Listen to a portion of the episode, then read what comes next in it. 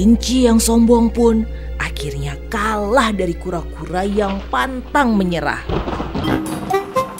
Aum, teriak singa sang raja hutan pada kawanan pemburu jahat tersebut. Ajarkan cinta dan banyak hal lain dengan mendongeng bersama anak. Ayo mendongeng. Kuro melepas cangkang.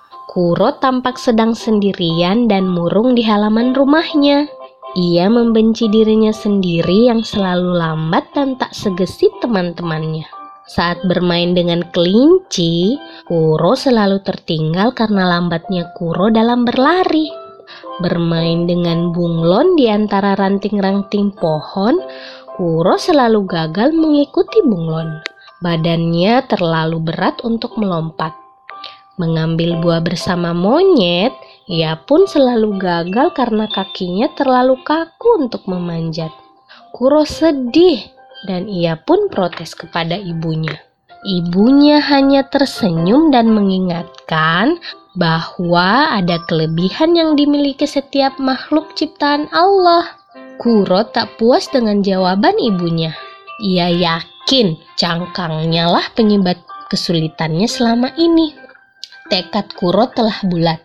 Ia akan membuang cangkang yang menempel di tubuhnya dan bergabung bermain dengan teman-temannya di tepi sungai. Kuro merasa ringan dalam langkah, tapi di sisi lain ia kedinginan.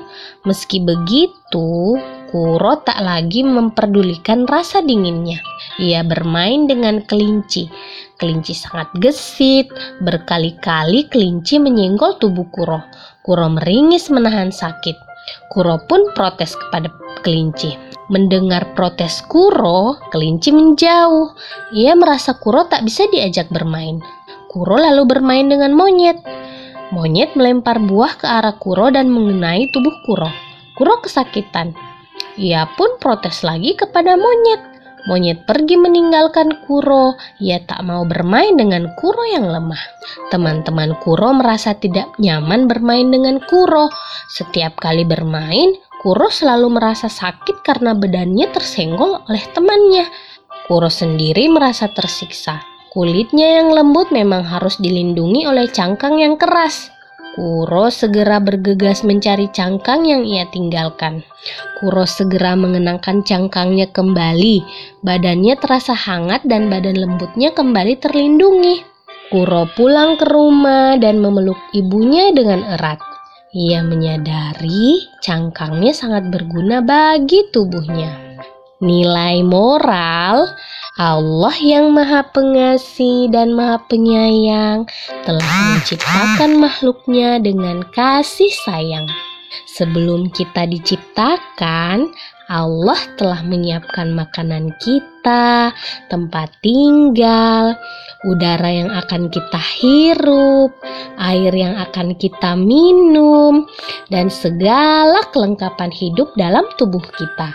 Jadi, jangan pernah mengeluh tentang sesuatu di tubuh yang kita anggap tidak berguna, karena Allah tidak pernah membuat sesuatu dengan sia-sia. Ayo mendongeng, persembahan dari Female Radio. Love Life, Love Your Children.